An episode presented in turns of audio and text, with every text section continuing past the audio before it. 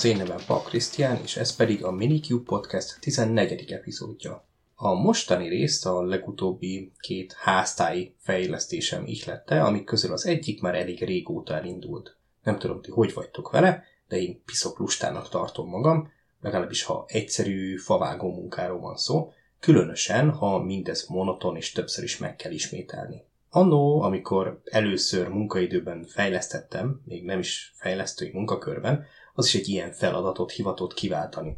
Végtére az ipar legnagyobb részében azért írunk szoftvereket, hogy emberi munkát váltsunk ki vele, na meg Excel táblákat. Pontosan ez történt akkoriban is. Volt egy szoftver, ami megevett egy Excel táblát is, egy HTML-t köpött ki magából, amit aztán lehetett is kinyomtatni és odaadni a termelőknek. Ezzel csak az volt a gond, hogy a programban voltak hibák. Emiatt gyakran kellett belenyúlni a kimenetbe, de persze ez még számolgatni is kellett.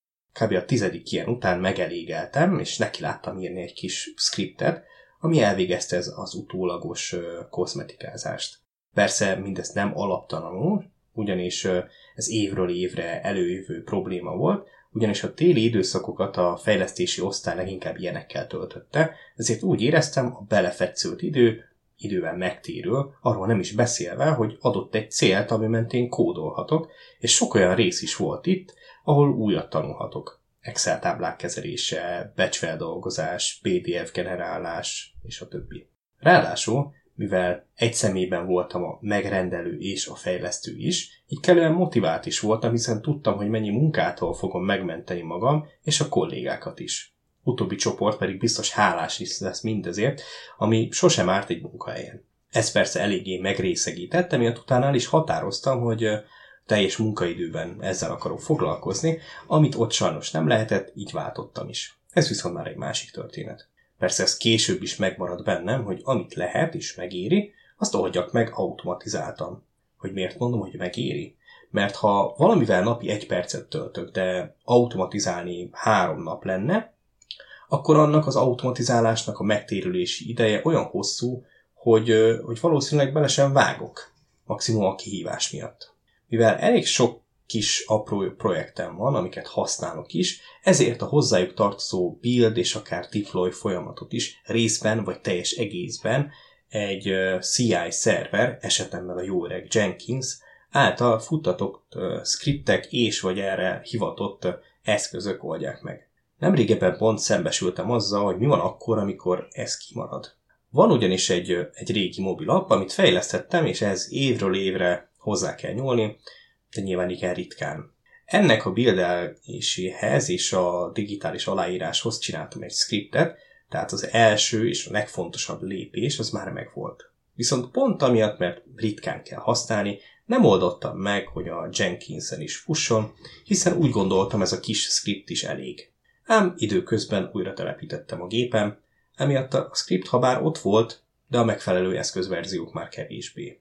Így amikor a legutóbb kellett volna felrakjam, akkor szomorúan konstatáltam, hogy az eszközök már nincsenek meg a gépemen, vagy nem olyan csillag együttállásban, amivel ez működne. Úgyhogy a vége az lett, hogy dokkerizáltam ezt is, és most már Jenkins futtatja ezt is. Persze ezek nem feltétlenül olyan problémák, amikkel bárki találkozna, hiszen ehhez hobbi projektek kellenek, vagy saját vállalkozásban kell űzni az ipart. De tudnék említeni még egyéb példákat is a közelmúltból. A videós oldalamon az egyes sorozatokhoz és videókhoz is tartoznak bélyegképek. Az oldal indulása idején még úgy voltam vele, hogy saját magam szerkezgetek képeket az egyes részekhez, de ez hatalmas effort volt, főleg úgy, hogy annyira nem is értek hozzá. Emiatt a következő lépés az volt, hogy csak az egyes sorozatokhoz készül kép, az egyes videók pedig ezt a képet megöröklik, és csak egy kis szöveget cserélek rajta. Ez utóbbi cserét Gimpben kb. két perc alatt elvégzem, ami nem nagy idő, de továbbra is ott a hiba lehetőség, hiszen egy ember, mármint én, csinálom mindezt. Arról nem is beszélve, hogy lassan 400 videó van fent az oldalon, ha két perccel számolunk, akkor már több mint egy munkanapot töltöttem el azzal, hogy képekre írogatok szöveget. Persze ezt nem vártam meg, hanem már hónapok óta egy kis PHP script és a GD text csomag segítségével csinálom meg mindezt. Hasonló a helyzet a videókkal is. KDN Live-val vágom meg a videókat, amiket utána fel kell tölteni Vimeo-ra. Utána a láthatósági szabályokat és egyebeket beállítani. Időigényes, meg kell várni, mire a program kiköpi magából, utána ki kell várni a feltöltést, mielőtt tudnám a Vimeo szerkeszteni, azt sorolhatnám. Így már ezt is egy script tölti fel, ami figyeli a KDN Live mappáját, sőt utána értesítést is küld, ha kész. Ezután tudom csak a videódon létrehozni az új epizódot, amit Facebookra ki nem találnátok automatizmus posztol. Na de ez még mindig egy kézzel futtatott script, aminek jó bemeneteket kell adni. A készült képet pedig aztán fel kell tölteni az oldalra. Talán itt csúcsosodott ki igazán a lustaságom, ugyanis a vége az lett, hogy a sorozatok létrehozásakor töltöm fel a kép sablonokat, mind az oldalra, mind pedig a Facebook megosztáshoz. Amikor egy új videót hozok létre, akkor elég beírni, hogy pontosan mit is akarok a képre írni, az pedig legyártja a sorozat sablonja alapján, optimalizálja, és CDN-re is feltölti a képeket helyettem. Hasonló a helyzet az ingyenes videókkal, amiket YouTube-ra is feltöltök. Ezt is meg lehet csinálni kézzel, feltölteni, címet, címkéket, leírást beállítani. Ez is inkább időigényes, meg macera. Ráadásul, ha utólag akarok valamit ingyenesíteni, és sok ilyen is van, akkor elő kell keresnem azt.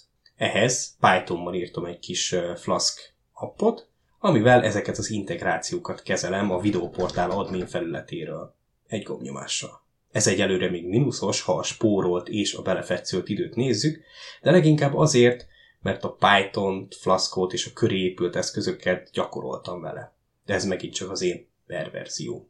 Ezt az automatizálás témát persze nem csak én súlykolom, hiszen manapság akad, amit lehetetlen automatizmusok nélkül elképzelni. Az egész DevOps kultúra erre épül. Arról nem is beszélve, hogy már már külön szolgáltatások is vannak automatizálásra, mint például a Zapier. Ezzel rengeteg különféle appot tudunk összekötni különféle módon, Slack-et a Google Cloud Print-tel, YouTube-ot a Vimeo-val, és még sorolhatnánk.